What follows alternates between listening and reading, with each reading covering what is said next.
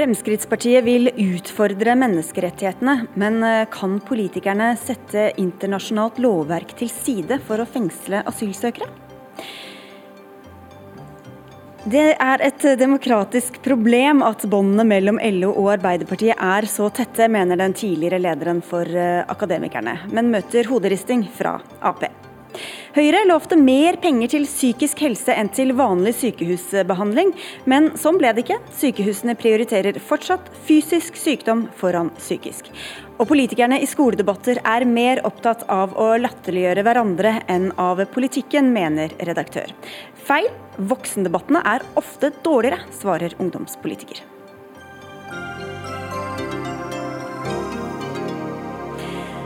Vel møtt til ukas siste Dagsnytt 18, fortsatt her foran Stortinget og fortsatt på NRK P2 og NRK2. Jeg heter Sigrid Solund.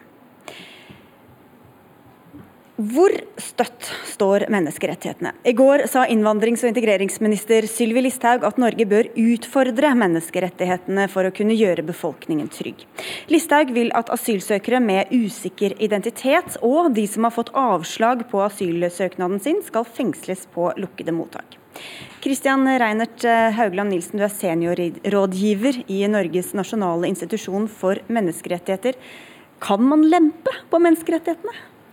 Eh, altså Det klare utgangspunktet er jo at menneskerettighetene er noe du ikke kan eh, bare fravike et eget eh, forgodtfinne. Eh, og det er jo egentlig hele poenget. At det skal utgjøre skanken for eh, det alminnelige flertallets eh, politikk av hensyn til mindre, mindretallet. Det er jo derfor vi har veldig strenge regler f.eks. For, for, for grunnlovsendringer. At det forutsetter to tredjedels flertall i to storting med mellomliggende valg. Eh, når det er sagt, så er det jo sånn at menneskerettighetene er eh, gjenstand for tolkning, og en kan jo gjøre inngrep i de fleste eh, menneskerettighetene. Det krever at en har grunnlag i lov, og at en griper inn for å ivareta et eller annet legitimt formål. Eh, og at det inngrepet er forholdsmessig eller ikke, vilkårlig eller tilfeldig myndighetsbruk. Altså at du veier det ene opp mot det andre og sier at her må menneskerettighetene vike til fordel for noe annet? Eller? Ja, altså Der må hensynet til den enkeltes uh, rettigheter, f.eks. Uh, frihet, veies opp mot samfunnets behov, f.eks. For, for straffeforfølgning. altså Eh, vi varetektsfengsler jo folk som er mistenkt for alvorlig kriminalitet, kanskje hensyn til etterforskning osv. Det er et eksempel på det. Mm. Hvor bundet er vi av Den europeiske menneskerettighetskommisjonen, som er det det primært er snakk om her? Ja, altså Vi er jo veldig bundet av Den europeiske menneskerettighetskommisjonen, hvis en kan uh, si det. Uh, det er jo uh, for det første folkerettslig. Norge som stat har forpliktelse. Eh, videre så har vi gjennomført konvensjonen i norsk lovgivning. Eh, som det er nok politisk vanskelig å, å forandre så mye på. Eh, viktigst er jo at vi hadde en revisjon av Grunnloven i 2014 som eh, tar inn i seg eh, de sentrale rettighetene bl.a. fra Den europeiske menneskerettighetskonvensjonen. Så der ligger nok den si, mest robuste skanken. Og Mats Andenes, professor ved Det juridiske fakultetet i Universitetet i uh, Oslo og ekspert på internasjonal rett og menneskerettigheter. Hva i denne uh, konvensjonen er det man utfordrer, hvis du skal fengsle alle som har fått avslag f.eks.? Det er ikke slik at uh, menneskerettene kommer opp her i det hele tatt. Fordi eh, Listhaug har jo da sagt hun vil ha denne fengslingen. Og så sier hun at vi må gjøre det selv om det er i strid med menneskerettene. Det er ikke slik at regjeringen eller Stortinget vil ha denne fengslingen hun foreslår uansett. Det er ikke hensiktsmessig, det er ikke noe poeng i det. Så, så Derfor så kommer ikke dette menneskerettsspørsmålet på spissen. Grunnen til at det er tatt opp på denne måten, er jo at Listhaug ønsker å være i nyhetene. Eh, Fremskrittspartiet har tatt opp dette med eh, å stenge eh, asylmottakene, ha dem som fengsler, altså. I flere omganger.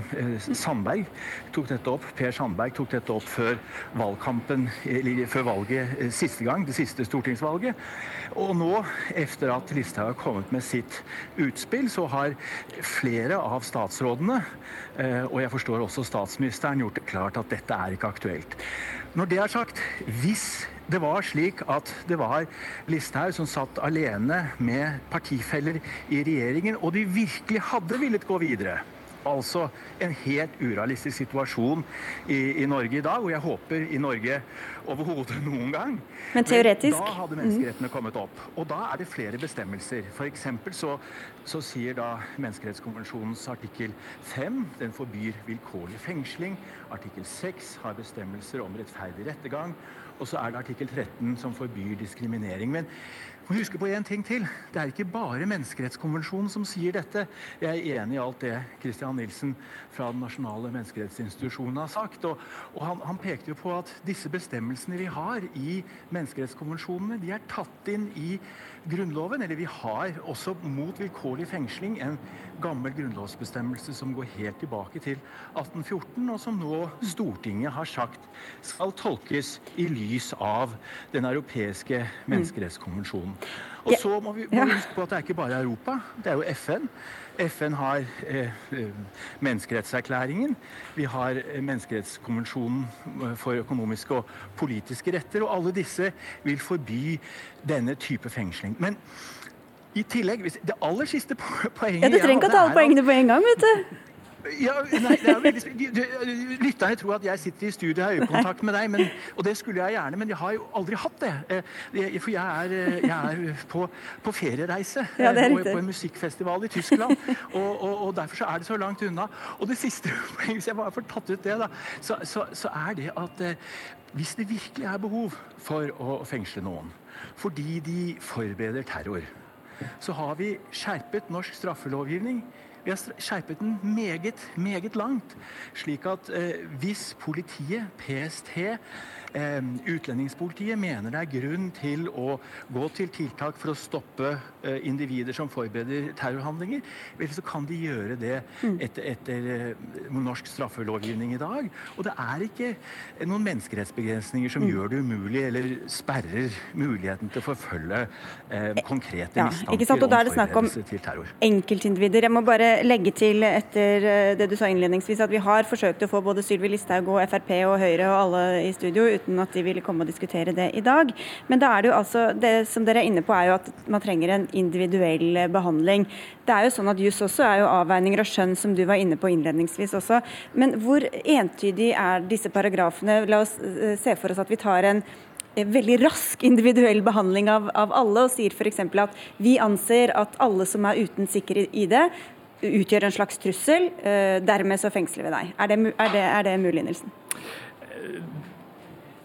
Nå er det sånn at altså, eh, Adgangen til, til, frihetsberøvelse den er jo begrensa av eh, menneskerettighetene. Og for å kunne frihetsberøvelse det er jo oppstilt krav til saksbehandlinga eller prosessen eh, rundt det.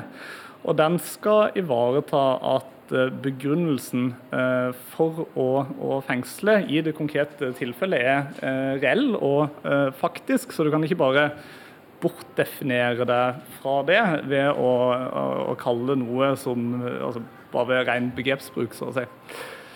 Så, og, og, som Andenes var inne på, så er det mulig å fengsle en del av disse menneskene innenfor dagens lovverk? Ja da, det er allerede i dag altså, veldig i og for seg inngripende og omfattende virkemidler både i utlendingsloven eh, og for eh, personer som motsetter seg utsendelse, og for personer som ikke har klarlagt eh, identitet. Mm.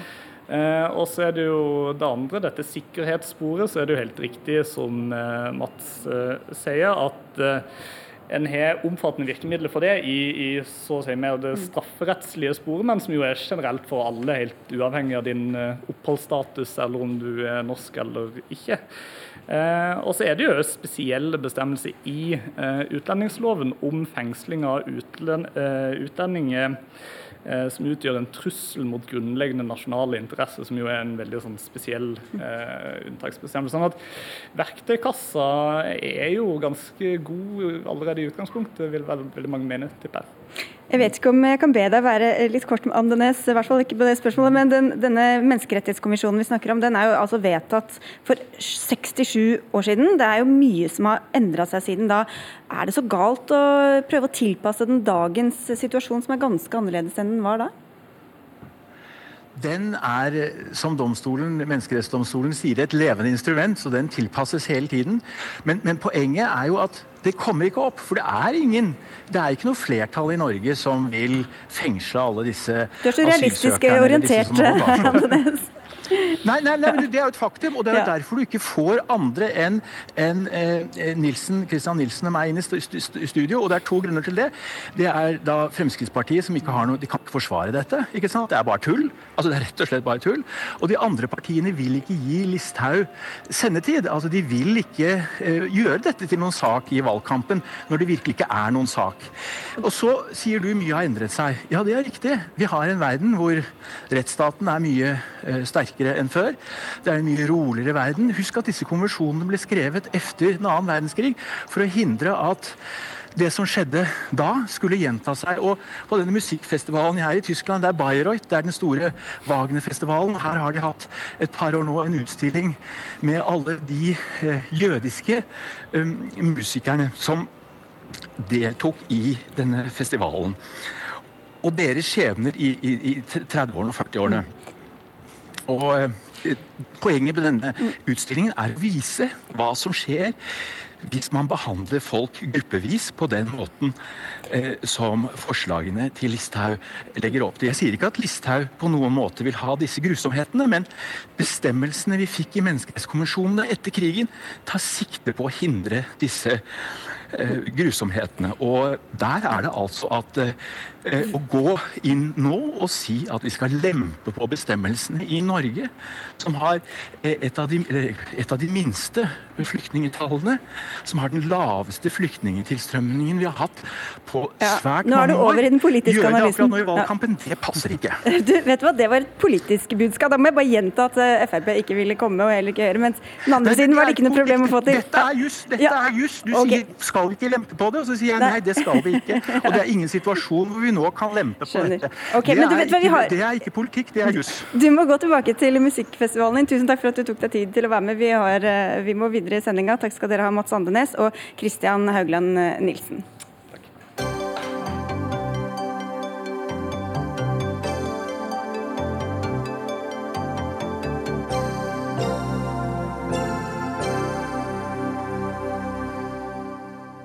Ingen, ingen, valgkamp uten at det tette samarbeidet mellom Arbeiderpartiet og LO trekkes fram. Som regel handler det om alle pengene som partiet får fra organisasjonen, men nå er det LOs politiske påvirkning som eh, får kritikk. For LO er Norges største lobbyist, og Arbeiderpartiet er i lomma på dem. Det hele er et demokratisk problem, skriver du i Dagbladet, Knut Årbakke. Du var leder for en annen fagforening i åtte år, nemlig Akademikerne.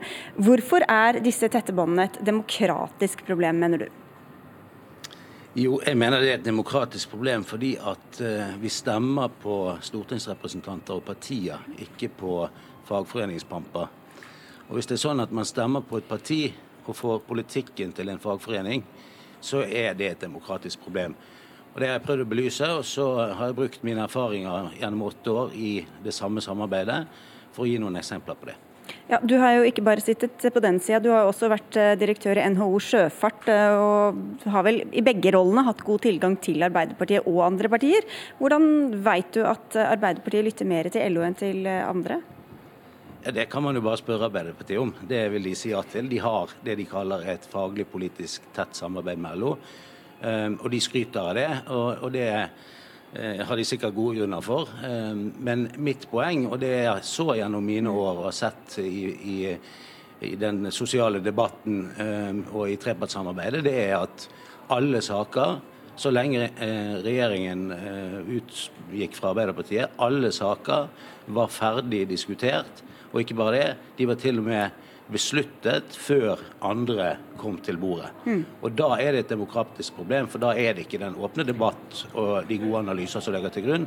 Det er meningen fra en av landets selvfølgelig viktige organisasjoner. Men et skinndemokrati, da. Eh, LO takket nei til å bli med i dag. Truls Wickholm, du er stortingsrepresentant for Arbeiderpartiet. Lytter dere mer til LO enn til andre? Selvfølgelig lytter vi til alle som deltar i, i samfunnsdebatten, men jeg er jo heller ikke med på den Eh, beskrivelsen som Knut Årbakke har her av de eh, store partene i arbeidslivet som lobbyister. Eh, da har man på en måte misforstått noe grunnleggende som jeg egentlig ikke tror Knut Årbakke har, men med med eh, trepartssamarbeidet. Altså det handler jo om eh, at vi tar et felles ansvar for samfunnsutviklingen i Norge. Når det går dårligere i norsk økonomi, så har også denne regjeringen vært helt avhengig av at man har med seg arbeidstakerorganisasjonene på å holde igjen på, jo, på, på, på, lønnsveksten. Når Siv Jensen skal skrive perspektivmeldingen om hva som er viktig for at vi ikke får så store forskjeller i Norge, så skriver hun at høyt utdanna mennesker har holdt igjen på sin lønnsutvikling for å kunne eh, løfte i bånd. Det får vi til pga. det trepartssamarbeidet vi har med store organisasjoner som tar samfunnsansvar både på arbeidstaker- og arbeidsgiversiden. Eh, og det å da skrive en sånn eh, fiffig artikkel hvor man reduserer dette her til å være viktige lobbyister i samfunnet, det, det er jeg positivt uenig i. Ja, Lobbyister, Årbakke, er det en veldig god beskrivelse? Ja, jeg syns det er en ganske god beskrivelse. Vi søker å påvirke norsk politikk. Vi bruker de kanalene vi har for det. Vi går på Stortinget. Men dere har jo helt offisielle kanaler også. Det er ikke snakk om en organisasjon som kommer og besøker en, en politiker på Stortinget, bare? Og det er mye av det òg, skjønner du. Jeg har hatt besøk av Knut Årbakke mange ganger på Stortinget. Ja, ja. Vi har samarbeida godt om mange ja, men, mitt, mitt, men, poeng er, mitt, poeng er, at ja, vi er også aktører i trepartssamarbeidet. Der vi på vegne av våre organisasjoner skal bidra til å komme frem til felles løsninger på store samfunnsspørsmål, særlig innenfor arbeidslivspolitikken. Ehm, men mitt poeng er at når vi kommer til det bordet og skal diskutere de store, viktige sakene, så opplevde jeg gjennom de fem år jeg var leder og eh, Arbeiderpartiet satt med arbeidsministeren og statsministeren, så opplevde jeg at alle saker alltid var diskutert med LO på forhånd. Og Det er jo ikke så rart, ettersom de sitter i, i sentralstyret deres, eh, Truls Wickholm. Altså, så er det jo litt, litt forskjell på LO og på de andre organisasjonene. Men det er jo som du også er inne på, at eh, det faglige politiske samarbeidet som Arbeiderpartiet har med LO, må jo være en av de mest gjennomdiskuterte sakene eh, i norsk samfunnsliv. Og jeg skulle ønske at det var like mye åpenhet om det samarbeidet som det er om alle andre mulige samarbeid rundt i samfunnet. Når det er sagt, så mener jeg at det er jo mange av de tingene som Knut Årbakke skriver her som, som positivt sett ikke er riktig. F.eks. så skriver han det, eh, om dette med eh, konkurranseklausuler. Det har jeg sjekka litt eh, opp i dag. og det er jo ikke sånn at LO var imot. Uh, det er et eksempel han skriver om, men vi har ikke vært innom det her. Nei, har ikke, nei, ikke sant? Han skriver at uh, LO ikke ville uh, lytte fordi dette gjaldt stor grad akademikere, ingeniører, økonomer, jurister. Men de er det ikke så mange av blant LO-medlemmer, så her ville ikke LO lytte. LO hadde et høringssvar til dette hvor man ikke tok, sa nei til å få dette inn i lovs form. Men det som, det som skjedde, var jo at Knut Årbakke sin tidligere arbeidsgiver NHO også var enig med LO om at dette ønsker man å rydde opp i i avtalsform. Man ikke nødvendigvis ønska å gå via lov for å, eh, å, ordne det. Og så skriver man også at eh, dette ble ordna opp i en ny regjering. Nei, det var ikke fullt eh, så enkelt heller. For det var flere av de store arbeidstakerorganisasjonene, og da ikke bare LO, som var uenig i at det lovforslaget som kom, var godt. Blant annet handla det om at man ikke fra arbeidsgivers side ensidig skulle kunne oppheve de klausulene når det, det blir litt vanskelig å følge med på de sakene, for det er liksom ikke, vi husker, det, husker dem ikke helt. Og, nei, jeg skjønner det, men når man skriver liksom, lengre avsnitt i Dagbladet om ja. saker som ikke er riktige, ja. som grunnlag for påstandene sine, så må det nesten være adgang til å diskutere det. Ja da, Men Årbakke, er det mange andre eksempler du har som er litt lettere å forklare, som, uh, hvor du viser at Arbeiderpartiet har hatt en helt særstilling eh, og, og maktkanal inn til Arbeiderpartiet? Ja, altså Jeg kan jo nevne en annen sak som handler om eh, noe som ikke har noe med arbeidslivet direkte å gjøre, men som innenfor helsepolitikken. En gruppe videreutdannede fysioterapeuter, noen som kaller seg manuellterapeuter, de meldte seg ut av Fysioterapeutforbundet og laget sitt eget forbund og meldte seg inn i LO. De ønsket å bli autorisert helsepersonell, som det heter, som manuellterapeuter. I Norge er det sånn at man blir autorisert for det man er utdannet først som. En lege uansett om man er eh, allmennlege eller hjernekirurg, er autorisert som lege.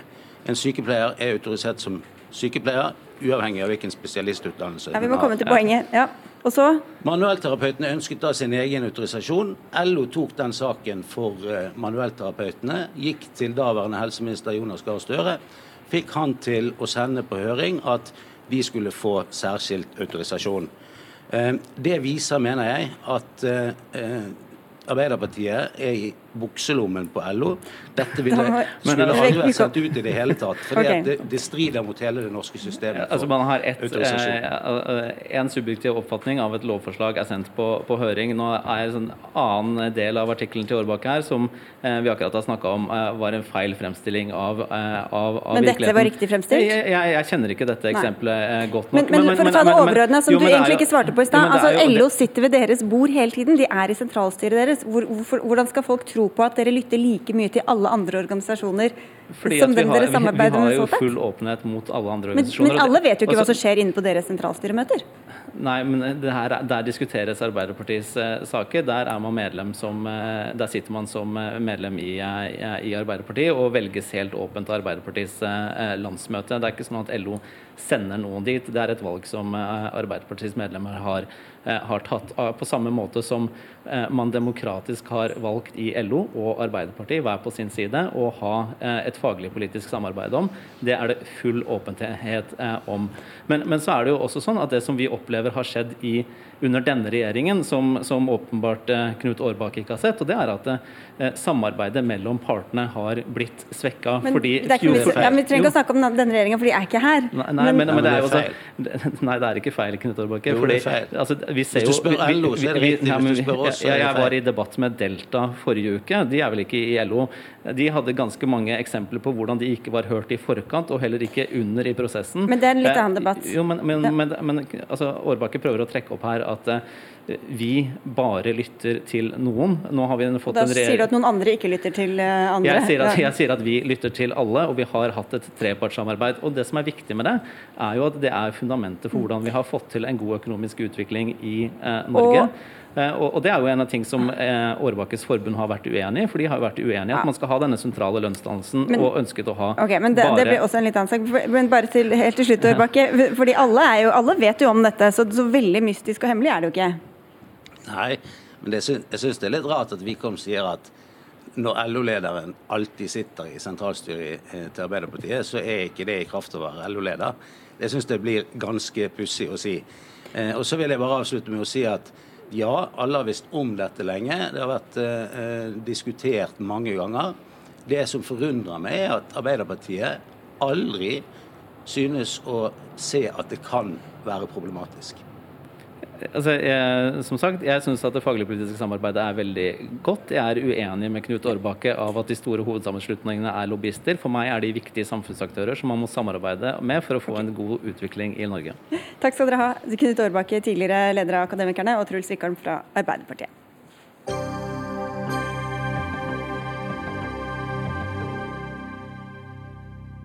Skoledebattene er i gang eh, over det ganske land, men mange av dem er så dårlige at det er eh, alvorlig for demokratiet. Politikerne er eh, mer opptatt av latterliggjøring enn å ta politikken på alvor. Det mener i hvert fall du, Hilde Sandvik. Du er redaktør i nettstedet Broen XYZ. Først så må jeg spørre deg, hvor god oversikt har du egentlig over nivået på skoledebattene nå? Eh, jeg hadde inntil i går en, eh, en slags impresjonistisk eh, oversikt fordi at jeg har ledet noen skoledebatter. Og så har jeg da en 16-åring som kom hjem i går og var ganske fortvilt og oppgitt. Men fordi jeg prøver å være grundig, så har jeg i dag òg snakka med den eneste forskeren i landet som faktisk har forska på skoledebatter. Så i øyeblikket her jeg sitter nå, så føler jeg at jeg faktisk har, eller jeg vet at jeg har en oversikt. Og hva viser den oversikten? Ja, hva viser den når Nei. du sier at de undervurderer ungdommen? Hvordan gjør de det? Nei, og eh, eh, Forskeren som jeg skal nevne navnet på, som dere bør in invitere til Dagsnytt 18 ved et senere høve, Julie Ødegård Borge, sitter på Universitetet i Bergen, eh, har forska på skoledebatter. og Det hun ser, er at eh, skoledebattene fører ikke til et politisk engasjement. Og hvorfor gjør de ikke det? Jo, bl.a. fordi eh, elevene hun har intervjua etterpå, eh, syns at avstanden til de som sitter i panelet er altfor stor.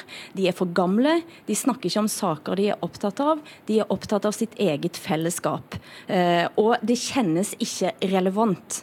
Eh, og det, er, det, som er det interessante med denne forskningen, er ikke bare det at den kommer nå. Jeg tror alltid det har vært sånn. Men skoledebatter og skolevalg er, er i ferd med å bli en svært viktig eh, institusjon.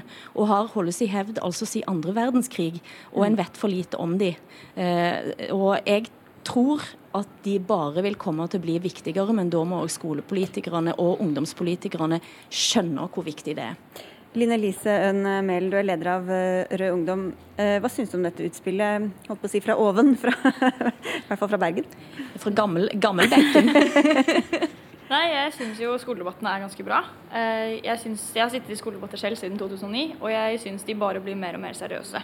Og NSD, som har laget skolevalgundersøkelse siden alle etter hvert eh, skolevalg siden 1989, de har også da i 2013, hvor det var sist stortingsvalg, så spurte de elevene hva syns dere om skoledebattene, hvor stor informasjon syns dere dere fikk ut av skoledebattene.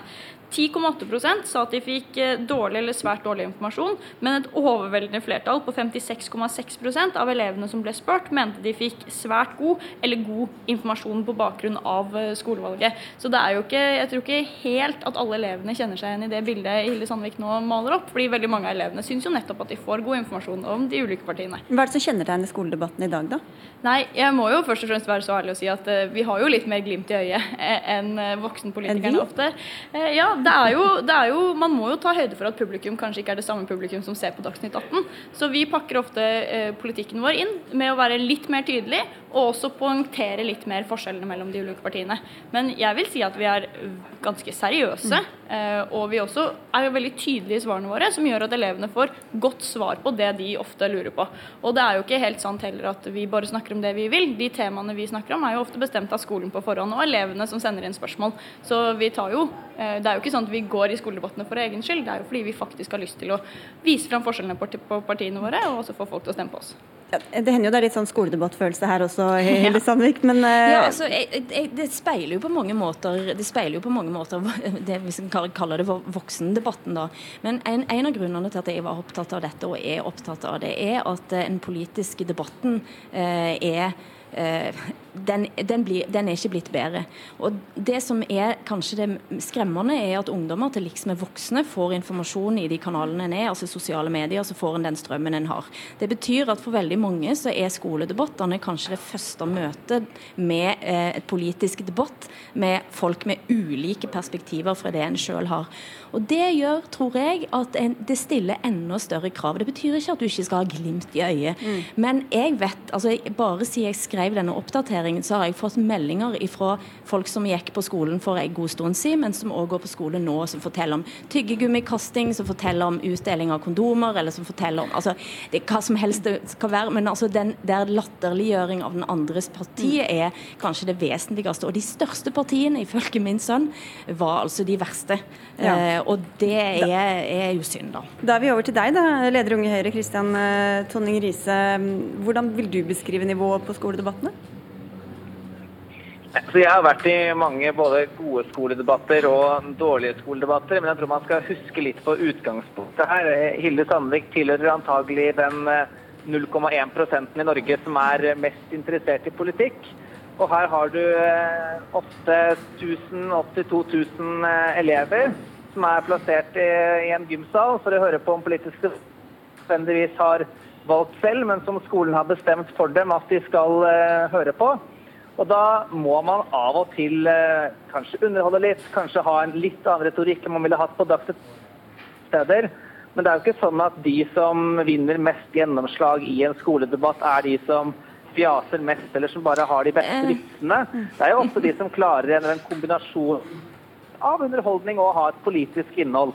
Litt sånn som kanskje Knut Arild Hareide har vunnet igjennom med på et mer voksent publikum eh, av og til i debattene på NRK eller andre steder eh, også. Man skal ta litt utgangspunkt i hva skoledebatten er, hvilken setting det er og hva som er eh, publikum, før man dømmer det nord og ned som bare fjas og tull. Men det er jo, det jo ja, det, men det er jo nettopp derfor jeg òg tok den ekstra telefonen i dag til en forsker som faktisk har sittet inne og, og, og, vurdert skoledebatter og snakka med elever etterpå for å høre om min, eh, min umiddelbare reaksjon var, eh, var hold i. Eh, og når hun sier at de elevene hun har intervjua, har fulgt eh, skoledebatter over veldig mange år, eh, og de elevene hun snakker med etterpå, sier at de kjenner seg ikke igjen, og de opplever ikke at det er men, relevant. Men det var jo litt motsetning til det vi hørte fra Rød Ungdom her, da, de studiene som var gjort der, uten at jeg kjenner til dem?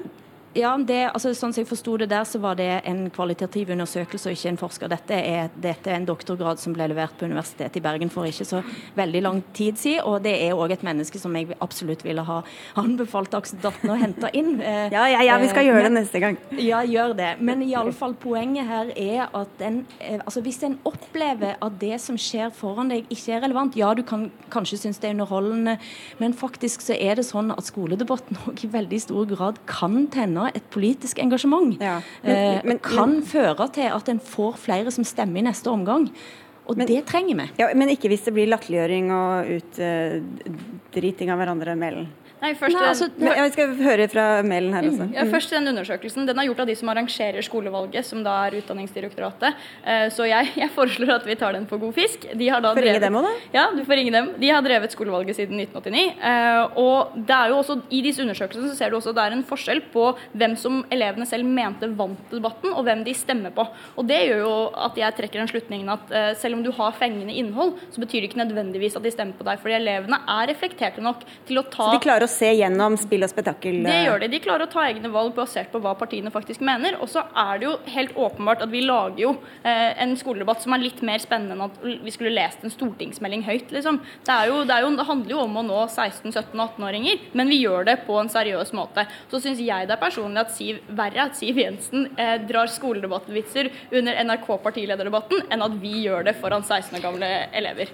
Men et, et, et, interessant poeng der tenker jeg, er den opplevelsen som veldig mange refererte til ifølge Julie Ødegaard Borge. At en ikke kjenner seg igjen fordi det er òg Selv om de er unge, dere er unge dere som sitter der, så er dere likevel for gamle. Og kanskje en rett og slett skulle lært av Skam der. Eh, Skam hadde skuespillere som var like gamle som sine egne karakterer. Mm. Da, kanskje en til og med skulle ha sendt det på TV. Du, Det betyr at du må ha hatt din siste skoledebatt Tonning Grise, med dette, denne logikken?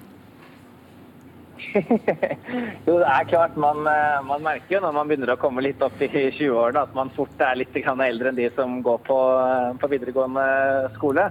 Så eh, jeg har nok eh, sluppet til noen av de andre i, litt i ungdomspartiet på en del debatter eh, i år også.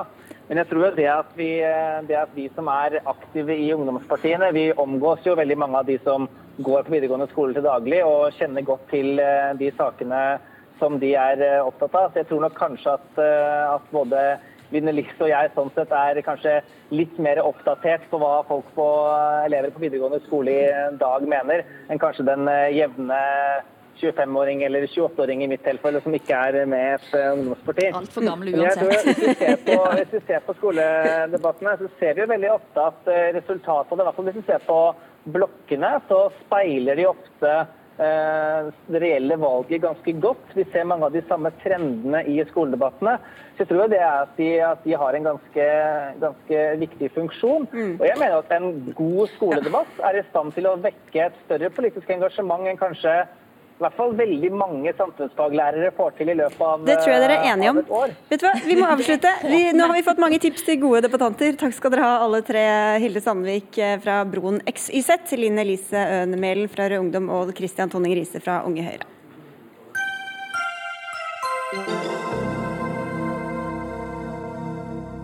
Moderaternas første kvinnelige partileder Anna Kinberg Batra håpet å bli Sveriges første kvinnelige statsminister. I dag brast drømmen, og Batra trakk seg fra ledelsen i Høyres svenske søsterparti.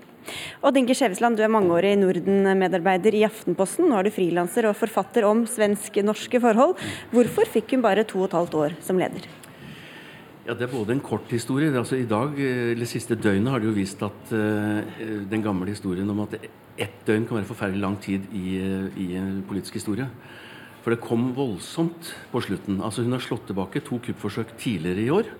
Og nå greide hun det ikke, for nå var det motstanderen hadde greid å, å, å samle seg såpass at uh, halvparten, 11 av de 22 fylkeslagene, forlangte at hun måtte gå. Da nytter ikke å holde på. Men ellers så er det Hun hadde en veldig tøff start. Hun overtok etter stjernelaget med, med, Fredrik Reinfeldt, som var statsminister i åtte år. Største borgerlige suksess noen gang. Og med finansminister Borg, som var med hestehalen, og Carl Bildt. Den troikaen der var veldig vanskelig å overta etter. Og alliansen var sliten, og moderaterne var slitne. Og problemene starta før der. Og så har hun hatt noen voldsomme forventninger om å skulle følge opp dette, men hun har hele tiden løpt som en gal og ikke greid å ta igjen de voldsomme forventningene. Sånn at det er en, en blanding av at hun ikke har funka helt, og at, hun, eh, at forventningene var for store. Stefan Heggelund fra Høyre, du er vel halvt svensk også, hvis jeg husker rett. Det Stemmer.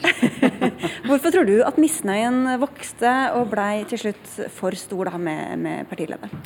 Altså Mange mener jo at det egentlig begynte før hun eh, kom på som partileder eh, med denne desemberenigheten, hvor man altså da var enige om at man ikke skulle felle Löfven-regjeringen, og at den største blokken skulle vinne eh, budsjettvoteringen i Riksdagen uansett, sånn at alle kunne slippe å forholde seg til Sverigedemokraterna. Den var det, avtalen var det en del som reagerte på. Eh, og så sier hun at hun vil at den skal vare til 2021 eller 2022. Så går Kristdemokraterna etter hvert ut og sier at nå gjelder ikke desemberenigheten lenger. Og så sier hun plutselig nei, da er vi enige, da syns ikke vi den gjelder heller. Så det er en del som mener at det har vært en uklar kommunikasjon fra hennes side, både når det gjelder den, men også flere andre saker. Men som du sier, så har hun hatt en ganske vanskelig start, og jeg skulle ønske at hun hadde fått lov til å sitte lenger. Eh, jeg kjenner henne som en, altså jeg kjenner henne ikke, men mitt inntrykk av henne er at hun er en utrolig kompetent politiker, som jeg tror ville kunne klart å løfte Moderaterna til nye høyder igjen, men hun fikk en veldig vanskelig start. Er de litt utålmodige i svensk politikk? Ja, det varierer selvfølgelig fra parti til parti, men, men altså, dette er et, eh, et, et, et, godt eksempel på at de kanskje burde ha venta litt til. Det er jo spesielt at de kaster sin første kvinnelige partileder og ikke gir henne en sjanse i et valg engang. Mm. Eh, så ja, så, så, svaret er egentlig ja. Men hva slags signaler har hun sendt uh, angående disse um, potensielt samarbeid med Sverigedemokraterna? Ja, Der har hun ikke vært helt tydelig, og der har hun et åpenbart problem både internt i sitt eget parti og i den gamle alliansen som jo hennes eget parti under Reinfeldts ledelse klarte å holde en stram tøyle på i åtte år. Fordi alliansen er delt. Etter, alliansen var det, altså det er de fire borgerlige partiene som uh, svenske Høyre var det klart største i, i, i de åtte årene. Og det er den største uh, borgerlige suksess i svensk politisk historie. For første gang i historien i Sverige så greide en borgerlig sittende statsminister å bli gjenvalgt. Altså Sosialdemokratene har vært mye sterkere i Sverige enn Arbeiderpartiet i Norge. Og det sier jo litt. Og dette greide Reinfeldt å bryte. Uh, og så er alle slitne av å være sammen. Og så skal hun prøve å bygge noe. Både bygge opp Moderaterna igjen og en splittet eh, allianse med disse fire partiene. De tre små og de store, store Moderaterna. Og de har hatt veldig forskjellig syn på dette med Sverigedemokraterna. Når hun åpnet for det, så var lille Kristdemokraterna med på det. Mens senteren, som bykser fram i Sverige, akkurat som i Norge, men på en helt annet grunnlag, de protesterer vilt. sånn at Alliansen er ikke enet om dette her. Altså, det, det spriker i alle retninger. Det er en blekksprut. det var noe av problemet, fordi at Moderaternas leder har jo vært alliansens leder også. Ja. Men så nå er det mange som heller peker på Annie Løf, lederen i Senterpartiet, som en mer populær og bedre og mer konsistent politiker. Det er jo likheter eh, og forskjeller selvfølgelig mellom det svenske og det norske landskapet. Hva vil du si når, Jeg regner med at du er full av godord om norske Høyre, men hva er det som har vært annerledes eh, hos dere da, de siste årene enn det hos Moderaterna i Sverige? Vel, altså det, det, er jo noen år siden, eh, men eh, det var jo en periode hvor vi ikke lå så veldig godt an. Eh, du har ikke fortrengt det ennå? Det, det, ligger der i bevisstheten? Ja, det ligger der i bevisstheten, men da er jeg veldig glad for at Erna Solberg var alltid tydelig. Hun var alltid klar, konsekvent og konsistent i samarbeidsspørsmålet. Hun klarte å skape en enighet på borgerlig side om at de fire partiene i Norge skulle samarbeide.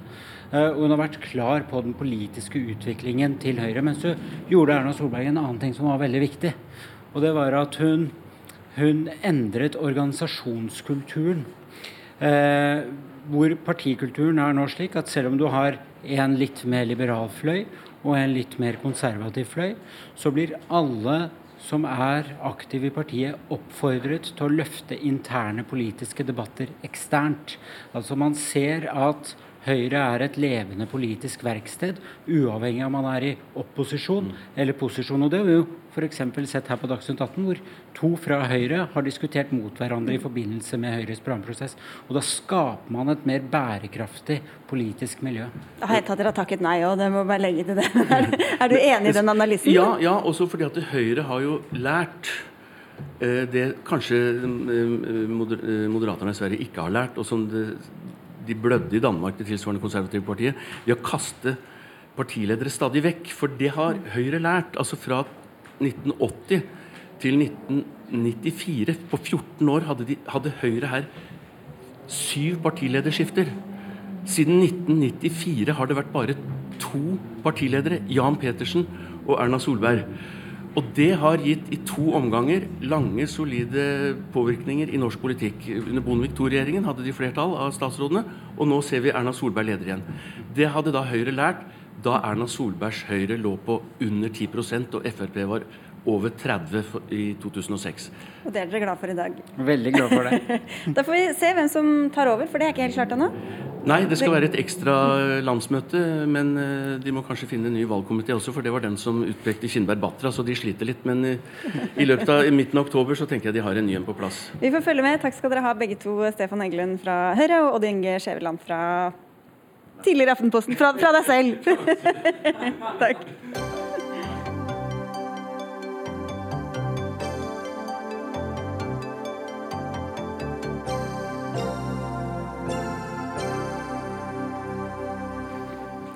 Over 20% av norske sykepleiere har forlatt helsesektoren ti år etter at de ble ferdig med utdanninga, viser en ny studie fra Statistisk sentralbyrå. Samtidig kommer behovet for eh, sykepleiere til å øke de kommende årene. Og dette til sammen bekymrer deg, Eli Gunhild By, du er leder i Sykepleierforbundet. Men er du overrasket over tallene? Nei, Vi har jo hatt en uh, opplevelse med tilbakemeldinger fra medlemmene våre at uh, dette er realiteten. Nå har vi altså fått noen fakta på bordet fra Statistisk sentralbyrå. Og det stemmer jo overens. Uh, og nettopp fordi at utfordringene er så store fremover, vi trenger mange sykepleiere, 30 000 i 2035 Derfor er det nå eh, veldig bra at vi får ordentlige tall, og er helt klar på at her må politikerne lokalt og sentralt eh, ta noen ordentlige grep og gjøre noen skikkelige prioriteringer. Ja, Ut fra hva medlemmene dine sier, hva er grunnene til at de slutter, som politikerne hadde hatt mulighet til å gjøre noe med? Ja, det er høyt eh, arbeidspress. Eh, de går jo i turnus. Eh, høy arbeidsbelastning, stor turnover. Så har vi en stor utfordring med at de stillingene som lyses ut, ikke er hele stillinger. Det er mange deltidsstillinger. Eh, og presset blir stadig større og større. Medlemmene våre melder, og har meldt i lang tid, at de springer fortere og fortere. Vi har jo store endringer i, i helsesektoren med store utfordringer ut der, og det er bra. Men vi har da altså ikke klart å eh, holde takten med å rekruttere nok folk og bemanning for å eh, utøve den pasientsikkerheten som, som, pasientene har behov for. Ok, Tone Trøen, stortingsrepresentant og helsepolitisk talsperson i, i, Høyre. Hva kan dere gjøre annerledes da, for at vi ikke skal stå med masse sykepleiere i manko om noen få år? Eh, disse fire årene å løfte sykepleierne eh, fram. Eh, og styrke både fagmiljøene gi sykepleiere mulighet til eh, å ta etter- og videreutdanning, til å ta lederutdanning. For det er jo helt riktig som lederen i Sykepleierforbundet eh, sier, vi trenger alle sykepleiere vi kan få inn i helsetjenesten i årene fremover. Men har det hjulpet noen ting, da? Ja, det har jo, altså det er, Nå er det jo snart 300 sykepleiere, mesteparten sykepleiere, som har tatt lederutdanning, f.eks. På, på BI. En utdanning vi har, har startet. Vi, har også, vi ser jo også at veldig mange sykepleiere ønsker å videreutdanne videreutdanne seg. Det sykepleierne ber om, er jo De ønsker faglig utvikling. De ønsker å jobbe i faglig sterke miljøer. Og de er opptatt av god ledelse og god organisering på arbeidsplassen. Og da må vi jobbe med innholdet i tjenesten. Og det har vært viktig for oss. Jeg mener at det er knapt noen regjering som har løftet sykepleierne så tydelig frem som vår regjering har gjort. Hva sier du, By? Er det, er det oppskriften? Oppskrifta er bl.a. det, og våre medlemmer melder tilbake det, det. Men så er det jo sånn at eh, vi har hatt en stor samhandlingsreform. Eh, ressursene har ikke fulgt med i den altså, grad det er behov. ta ting ut i kommunene fra, fra spesialisthelsetjenesten. Ja, ikke sant? Vi, vi, det er en politisk villet vilje at vi skal behandle pasientene nærmere der de er. Det betyr også at de pasientene som er der i dag, er sykere enn de som var der for ti år siden. Så det blir mer belastende bemann- og Ja, unnskyld? Ja, det, ikke sant? Verken kompetansebehovet eller, eller eh, eh, det behovet som man faktisk har for å sørge for å behandle disse pasientene på riktig måte, har fulgt takten. Noen plasser har de fått ut det, men slettes ikke alle plasser. Så har jeg lyst til å legge til at her har vi både en dimensjon med, med belastende arbeidstidsordninger. Vi har selvfølgelig behov for faglig utvikling. De sier medlemmene våre at de er, det, det gjør at, det, at de står i jobben lenger. Men så har vi en faktor her som handler også om lønn. Det er også et virkemiddel som man kan bruke i disse sammenhengene. Nå nikker du, Trøen. Jeg er jo sykepleier selv. du husker tilbake på dårlige lønnsslipper. Men det aller, aller, det aller viktigste, tror jeg Eli Gunnhild Bye og jeg også er enige om, er at flere sykepleiere må jobbe heltid. Det er først og fremst viktig for sykepleieren selv, men det er minst like viktig for pasientene, som trenger mindre kontinuitetsbrudd i løpet av at, altså at du får veldig mange sykepleiere å forholde deg til. Og jeg er veldig glad for at vi ser positive resultater på det. I, nå er, jobber det faktisk, er det 47 000 kvinner eh, som jobber heltid, eh, mer enn det var i 2013 på samme tidspunkt. Så det viser jo at det at vi også har stilt krav til i sykehusene at det skal være heltid som er hovedregelen, at vi også har sagt at deltidsansatte skal ha fortrinnsrett når eh, stillinger lyses ut, sånn at de kan fylle stillingene sine, er utrolig viktig. For vi kan ikke bare be om flere sykepleiere, vi må faktisk bruke de sykepleierne vi har. Og det er dere enige, og så er det litt uenighet om sånn turnusting og sånn som vi ikke trenger å gå inn på her. Men jeg må bare spørre om en ting. Jeg må, jeg må, jeg må, legge Ja, okay. litt på det med, med heltidssatsing. For vi, eh, her er vi slettes ikke gode nok. Det er altså sånn at det fortsatt Vi, har, vi henter inn tall hver eneste måned. Eh, og vi, det er fortsatt sånn at halvparten av de stillingene som lyses ut, er deltidsstillinger. Men det er jo også sånn, Eli- I KS sammen med Delta, Fagforbundet og, og Sykepleierforbundet og KS. Og vi har en lang, lang vei å gå. Så her må det settes inn noen ordentlige, riktige virkemidler eh, som stiller krav eh, til arbeidsgiver. Men det er også en viktig oppgave for alle partene i arbeidslivet. Eli Gunhild, fordi at det er jo sånn at Mellom 70 og 90% av den deltiden er frivillig. Så det er utrolig viktig at partene i arbeidslivet også tar sin del av det ansvaret. Der har jo Sykepleierforbundet også en viktig oppgave når det gjelder det å initiere til og støtte opp under turnuser som gjør at du kan eh, jobbe i helere stilling. Men jeg må bare spørre om en ting. eh, fordi Det er jo mange, som kan, kjenne- mange yrkesgrupper som kan kjenne seg igjen i beskrivelsen at de løper fort og gjør mye og blir eh, slitne. Er det egentlig så mye at 20% slutter etter ti år, med tanke på den mobiliteten vi ønsker oss i arbeidslivet også, eller? Nei, altså jeg tror de tallene, Den undersøkelsen viser jo at her er det jo med kvinner som er i fødselspermisjon. Her er det med sykepleiere, så vidt jeg har forstått statistikken. Sykepleiere som også tar utdanning. De er på en måte da ute av tjenesten.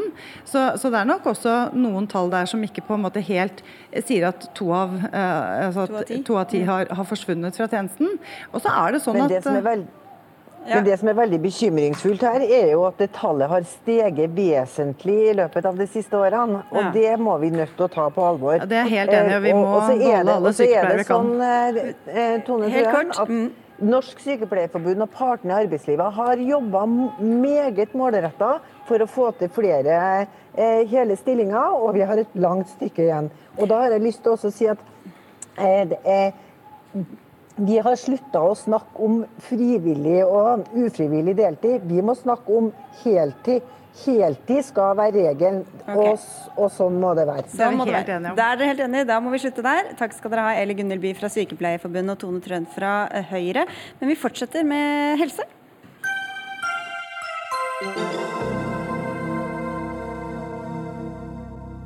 For da Høyre overtok makten i 2013, ble psykisk helsevern flagget som partiets kanskje viktigste hjertesak.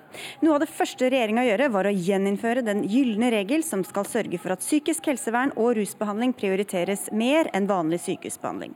For hver krone som går til fysiske lidelser, skal mer gå til psykiatrien og til rusbehandling. Men nesten fire år senere er tallenes tale klar. Helseforetakene bruker fortsatt mindre penger på psykisk helsevern enn andre behandlingsformer.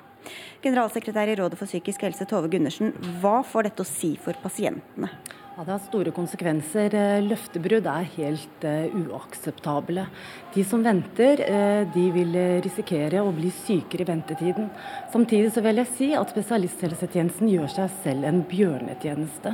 Fordi mange trenger kun én time, én vurderingssamtale, for å få ro og hjelp. Og hvor ligger ansvaret her, da? Ansvaret ligger eh, både hos politisk eh, ledelse, men også i helseforetakene.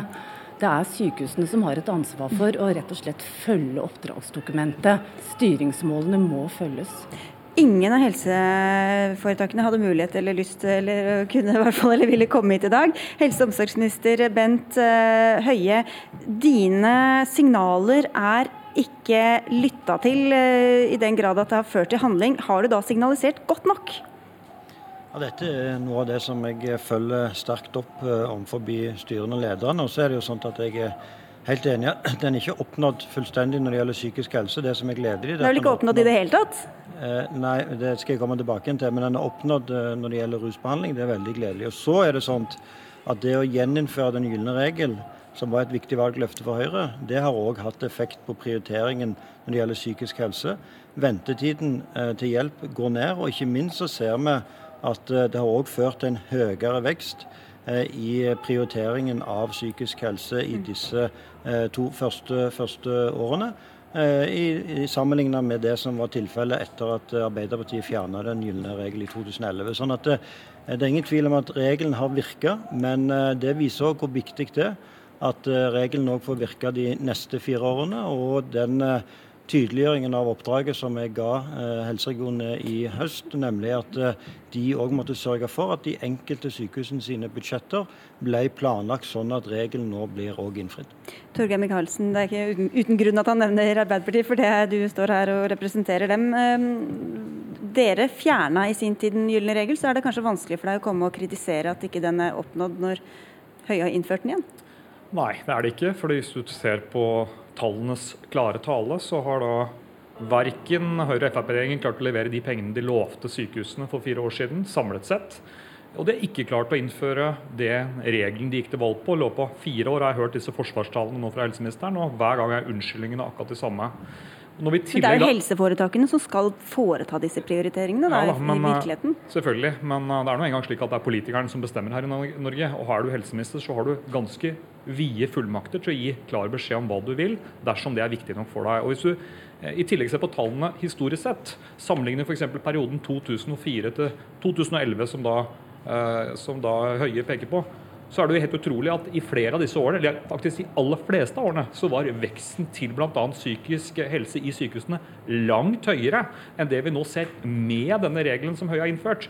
Så dette har vært en papirbestemmelse som ikke har hatt reell Nå er det jeg som har ordet, så ja, det er fint at du er i Stavanger, men nå må, du, nå må du høre nøye, for dette er viktig. Vet, nei, vet du hva, I de fleste av de årene gjaldt den gylne regel. Det var faktisk før dere fjerna den. Så at den virker òg når dere satt i regjering, det er ikke noe argument for at det var lurt å men, fjerne. Men eh, tallenes tale er klare, Høie. På stolt, ja, men da var regelen på stolt, på stolt, La Michaelsen få fullføre setninga, da.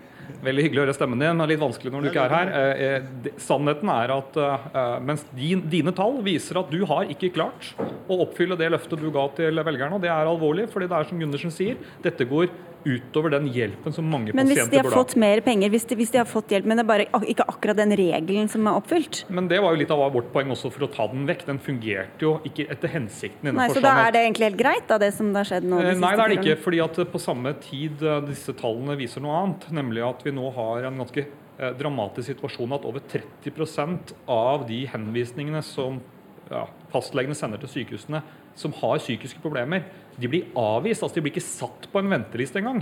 Og da har vi en situasjon hvor det er mange ting som taler for at det må gjøres noe annet enn det regjeringen så langt har gjort. Og der har Arbeiderpartiet mange forslag. Ja, Vi tar ikke dem nå. Men eh, Bent Høie, da er vi tilbake til det spørsmålet. Har du signalisert godt nok og tydelig nok til helseforetakene og sykehusene hvordan de skal prioritere? Ja, Det har vi gjort, men eh, det som har vært noe av utfordringen, det er rett og slett å få helseregionene til å gå sterkt nok inn i denne sektoren. og det har jeg også sagt På andre områder så har psykisk helse vært en underleda del av helsetjenesten. og Det kom også fram med de tvangstallene som vi fikk fram i, i fjor.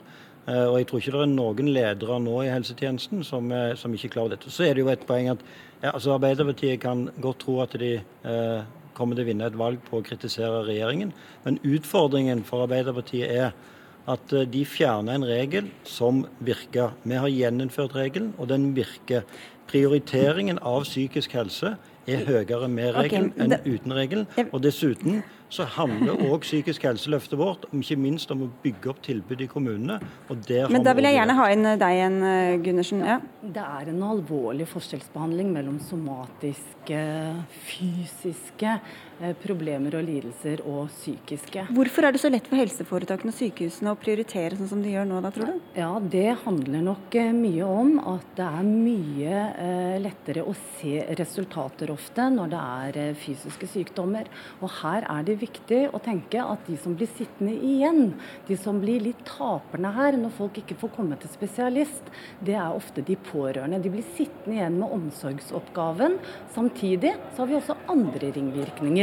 De som trenger å få en vurderingssamtale og hjelp, de faller ofte i ventetiden ut av skole, ut av arbeidsliv. Så konsekvensene er store. Og det handler mye om prioritering. Det handler om ledelse og prioritering, mm. og det handler om det som foregår ofte i ledergruppene på sykehus. Det er ikke alltid sånn at det er mer ressurser. Det trenger man ofte også, men det er noe med organisering av arbeidet. Det handler om kultur og motivasjon og ledelse. Det ser vi bl.a. når det gjelder reduksjon reduksjon av tvangsbruk. Mm. Der er evaluering og ledelse og det å endre på arbeidet sitt og samhandle med de øvrige nivåene noe av det som skal til for å lykkes. Og Da hjelper det ikke bare å pøse på med penger, Michaelsen, men man må ha en dialog som Bent Høie f.eks. også har hatt da med, med sykehusene og med helseforetakene. Eh, absolutt, dette er jeg helt enig i. At det ofte er eh, en kultur, en ledelsesutfordring. Eh, men det er også et ressursspørsmål. Men først og fremst er det et spørsmål om å bygge ut flere tjenester til folk som har særlig lettere psykiske helseplager nært der folk bor. Et av problemene i dag er at når det kommer en pasient inn på et fastlegekontor som baler med livet, som har tunge tanker, så er det mange steder i Norge ikke så mange andre steder fastlegen kan sende pasienten enn å henvise han til en spesialist, der det allerede er lang kø og store problemer. Og Derfor må man bygge ut et mye bredere tilbud lokalt, og det er Arbeiderpartiets svar på det Høie har bala med de siste årene. Han har ikke fått det til, nå er det på tide at kanskje vi kan prøve, prøve igjen. det er du litt uenig i, regner med, Bent Høie. Men helt avslutningsvis, da, hva vil du gjøre for å, for å oppfylle denne gylne regelen som du lovte for fire år siden? Nei, Det er å fortsette som helseminister å prioritere psykisk helse, fordi at dette er noe som krever politisk styring og prioritering. for Hvis ikke vil vi ikke lykkes. Så er det jo sånn at eh, når jeg overtok som helseminister, så var det psykologer i 95 kommuner. Nå er det psykologer i 265 kommuner. Så det å bygge opp tilbudet innenfor psykisk helse i kommunene, det er en hovedprioritet for meg. For det er jeg helt enig med Torgeir Micaelsen. Det er ingen grunn til å bytte regjering for å gjøre det. Det som er viktig da, det er å fortsette med den regjeringen en har i fire år. I dag har vi lagt fram òg en strategi for psykisk helse og en felles løfte fra Høyre, Fremskrittspartiet, KrF og Venstre at i 2018 så kommer det en egen forpliktende opptrappingsplan for barn og unge psykisk helse. og Da vil dette være helt avgjørende. Tove Gundersen, jeg vil bare slutte med deg. fordi Vi snakker om lettere psykiske eh, helseplager, og der er det ganske lett å telle hvem som får psykologhjelp og ikke. Hva med de som er tyngre, evigvarende, altså psykiatrien som krever, er mye mer ressurs krevende. Hvordan kommer den ut av dette regnestykket? Ikke veldig heldig alltid. Og det er jo ofte sånn at de med de svakeste stemmene blir minst hørt. Og når det gjelder eh, prioriteringer, så er det jo sånn at jeg er helt enig. Det er viktig å bygge opp de kommunale tjenestene. Men alt kan ikke forebygges. Folk blir syke. Og når du blir henvist til spesialist fra fastlegen din, så gjør du det fordi det er et grunnlag som oftest. Og da trenger folk en ekspert. Og ofte så er det, som jeg sa i stad, det er en samtale som skal til for å få den roen og hjelpen. Og det trenger eh, vi like mye innenfor psykisk helse som innenfor eh, fysisk helse. Så oppfordringen til disse to herrene blir?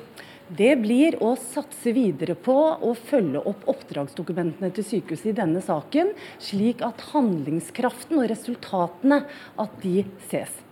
Da må vi takke av alle dere tre, Tove Gundersen fra Rådet for psykisk helse, helseminister Bent Høie og Arbeiderpartiets Torgeir Micaelsen, for Dagsnytt 18 er over for i dag.